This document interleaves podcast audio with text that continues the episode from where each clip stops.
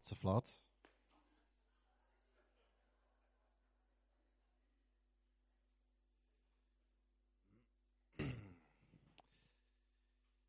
Ja, waar ik het over wil gaan hebben. We kennen allemaal het voorbeeld als we onze kinderen hebben. En die beginnen dan zo lekker met veters trekken. En dat lukt echt voor geen meter, maar als vader zeg je dat niet meteen. Je gaat ervan genieten dat ze lekker zo aan het friemelen zijn en uh, weet je, dat, dat schiet allemaal niet op. Uh, zo hebben wij ook een geweldige dochter die ook gigantisch kopjes, koppig is. Uh, zij heeft in een fase zitten van ik ben twee en ik zeg nee. En nu is ze zeven en beslist zij over haar eigen leven. En dadelijk is ze elf en dan ja, beslist ze waarschijnlijk ook weer zelf. Dus er was op een ochtend dat ze weer aan het friemelen was. En de ene knoop naar de andere. En ze werd bozer en bozer en bozer. En op een gegeven moment, no way out. Deze veters gaan eigenlijk nooit meer uit de knoop. Papa, help. En ik dacht, ja, daar kom ik. Kom eens hier meid, dan help ik je eventjes. Veters eruit, lusje erin. We kunnen naar school. Nou, ik heb daar heel veel van geleerd. Ik heb hier een periode geleden gestaan. Toen had ik mijn veters serieus in de knoop. En ik bleef alleen maar trekken, links en rechts. En ze werden vies. En ik ging erin knippen. Het ging helemaal fout. Als we die veters nou mogen zien als onze emoties. En als we de schoen mogen zien als het leven wat God ons geeft. Dan is dat veilig, die schoen. Maar in die veters, is wat ik zeg, die kunnen doormidden zijn. Misschien heb je helemaal geen veters. Misschien heb je vuile veters. Noem maar op. Nou, ik heb in een periode gezeten, zoals ik aangaf, uh, en, uh, dat mijn vader overleed. Ik verloor mijn baan. Uh, Angela kreeg door dat ze in het ziekenhuis met zwangerschapsvergiftiging werd opgenomen. mijn oma lag op sterven, heel kort daarna ook gebeurd. Onze dochter werd geboren. Mijn oom kreeg te horen dat hij kanker had. En Angela's zus ook nog. Wat een fijne maand. Veters in de knoop. Toen verloor ik mijn baan. En op het moment zelf dacht ik van, oh, dat komt allemaal goed, geen probleem. Ik regel dat ik ben hulpverlener.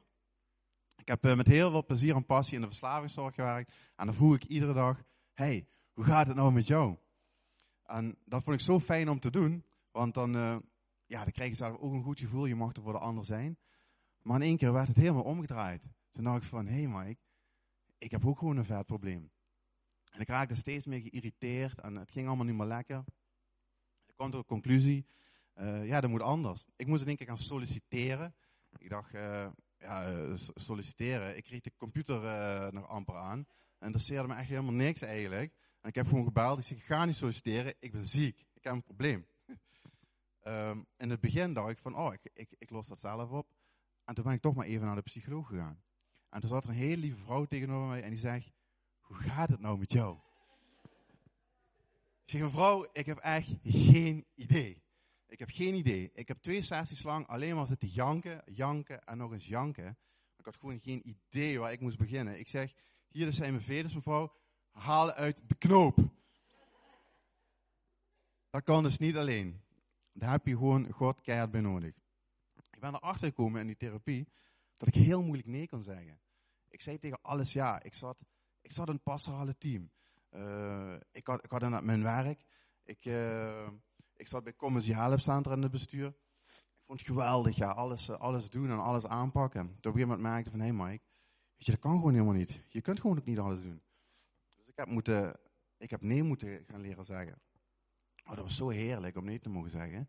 Dat nu mijn, mijn prioriteit is dat ik inmiddels weer een, een, een fijne baan heb. En dat gewoon mijn prioriteit uh, mijn vrouw is. En ik zei net tegen Bart, Bart, ik kom lekker vooraan zitten. Huh? Ik zeg, ga eens op plaats voor Angela. Ja, uh, ik zeg, weet je wat, ik ga liever achteraan met Anja zitten als alleen vooraan met jou. Ja. ja. Dat is, was trouwens niet persoonlijk, Bart. Ieder ander had ik dat ook gewoon gezegd. Van, ik zou niet naast Bart gaan. Nee, nee, was dus... Uh... nou, het gaat erom, ik ben in die periode erachter gekomen dat, dat God er gewoon altijd is. Er is een voorbeeld van een vader die gaat met zijn zoontje naar het bos. En uh, hij heeft een blinddoek bij zich en een wekkertje. En hij zegt, luister jongen, ik ga jou een blinddoek om doen. En als de wekker af is, dan ben jij een man. En ik ga weg. Toch maar blinddoekje omdoen. Ja, je zit aan het schudden en het wordt koud. En er gebeurt van tak in het gezicht. Woehoe! Een uil. Ja, dat is hartstikke eng. En op een gegeven moment, een paar uur later, ja, en doet de blinddoek af. En dan zit zijn vader en zegt hij, zo jongen, nu ben je een man. En ik geloof dat het voor ons ook zo werkt. Ik heb in een periode heel lang een blinddoek om mijn hoofd gehad. En toen ik hem af mocht doen, toen mijn veters uit de knoop waren, moesten ze nog gestrikt worden. Daar is waar ik nu sta. Daar heb ik een jaar over gedaan. En dan mag je zien dat hij er altijd bij was. Ik wil u meenemen naar een, een stuk woord. Ik heb geen uh, achter me. Je mag het uh, noemen. Maar je moet gewoon goed luisteren. Dus ik denk dat daar... Uh, ja. Nou, dat is een heel bekende tekst. Iedereen kent die ook. Het teken van het brood. Ja, even luisteren mensen, ja. Daarna ging Jezus naar de overkant van het meer van Galilea, ook al het meer van Tiberias genoemd. Een grote menigte mensen volgde hem, omdat ze hadden, gezien hadden welke wondertekenen hij bij zieken deed. Jezus ging de berg op en ging daar met zijn leerlingen zitten. Het was kort voor het Joodse Pesachfeest. Toen Jezus om zich heen keek en zag dat die menigte naar hem toe kwam, vroeg hij aan Filippus, waar kunnen we brood kopen om deze mensen te eten te geven? Hij vroeg dat om Filippus op de proef te stellen, want zelf wist hij al wat hij zou gaan doen. Filippus antwoordde, zelfs 200 denari zou niet voldoende zijn om iedereen een klein stukje brood te geven. Een van de leerlingen, Andreas, de broer van Simon Petrus, zei, er is hier wel een jongen met vijf broden en twee vissen. Maar wat hebben we daaraan voor zoveel mensen? Jezus zei, laat iedereen gaan zitten. Er was daar veel gras en ze gingen zitten. Er waren ongeveer 5000 mannen. Jezus nam de broden en sprak het dankgebed uit en verdeelde het brood onder de mensen die er zaten.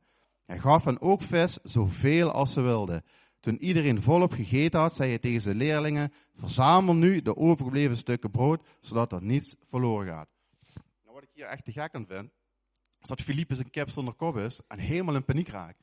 Uh, het is logisch, niemand van die leerlingen, niemand had die mensen te eten kunnen geven. Maar toch, zegt Jezus, hij regelde dat eens even, chef. Hij dacht, oep, dat is uh, zoveel daglonen, ja, uh, ja, ik weet het niet. totdat er een klein jongetje, en lezen we overheen, misschien een gigantisch dom idee had. Maar hij gaf eigenlijk gewoon zijn lunch af. misschien, misschien kunnen we hier wat mee. En dat klinkt echt totaal onlogisch. Want ja, wat moet ik nou met vijf broden en met twee vissen moet ik duizenden mensen gaan, gaan, uh, gaan voorzien. Maar wat we daarin mogen leren, is als je alles geeft wat je hebt, dat staat er ook, hij geeft de vijf broden en de twee vissen. En Jezus uh, nam het brood, sprak het dankgebed uit en hij verdeelde. Die momenten in je leven, die mag je gewoon gaan ontvangen. Ook als je veters in de knoop zitten. Misschien zit u hier en denkt hij, uh, weet je Mike, fijn praten. Ik heb niet eens een brood. Ik heb niet eens een vis. Maar niemand hier in de zaal heeft genoeg brood of heeft genoeg vis. Als je nou uh, eh, 34 taken hebt, of je hebt misschien geen taak, zoals dat ziet, van ja, ik heb geen lunch, ik heb niks bij me. Het maakt helemaal niks uit. Al kom je hier en zeg je, Heer God, ik heb helemaal niks.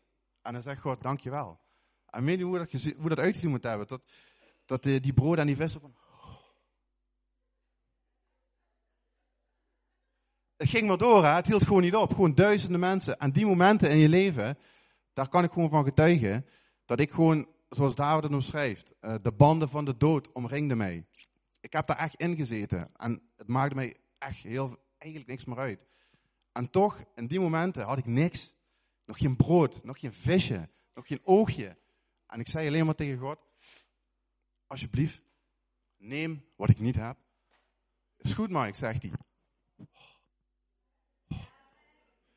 Iedere dag, iedere dag opnieuw. En het maakt niks uit hoeveel brood of hoeveel vis je hebt of hoeveel dat daaruit komt. Het gaat gewoon om relatie. En ik heb nog één, uh, één plaatje, Martin. En die, uh, ja, die heb ik uh, ontvangen. En staat er, we hebben allemaal een veterdiploma. En wat nou zo mooi is, dan mag je je eigen naam invullen. Dus Michael, Bart, Katja, Angela, je noem maar op. God en we hebben ook de, de diploma gekregen, nog voordat je bestond. Dus voordat je veters in de knoop kwamen te liggen, heeft God ze al eruit gehaald. Maar hij zegt alleen maar, geef me wat je hebt. Ik heb alles al. De kerk is voor mij, uh, voetballiefhebbers, al die stadions. Ja, die voor God hoor, weet je. Uh, wij hebben het gewoon gemaakt door zijn kwaliteiten. Alles is van hem. Wij kunnen in niks, maar dan ook niks voorzien voor God. Dus het enige wat wij vragen is, wat God vraagt van jou vandaag, geef me wat je hebt en je zult zien wauw. En dat is wat er dan mag gebeuren.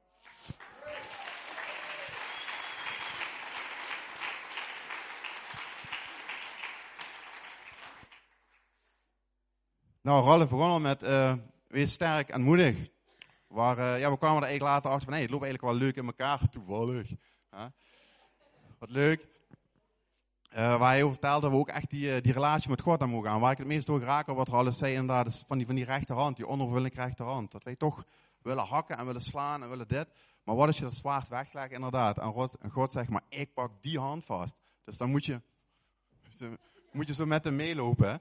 Maar dan ga je nog veel meer overwinningen kunnen behalen. En daarop, uh, wat, wat Marijke zegt, het in- en uitademen van God. Dat je dat gewoon iedere dag, dat je daarvoor mag kiezen. En dat je dat iedere dag mag ontvangen. En ja, het laatste stukje wat, wat ik deel, dat je daarin gewoon mag geven wat je hebt. Dan gaan de waarmomenten vanzelf komen.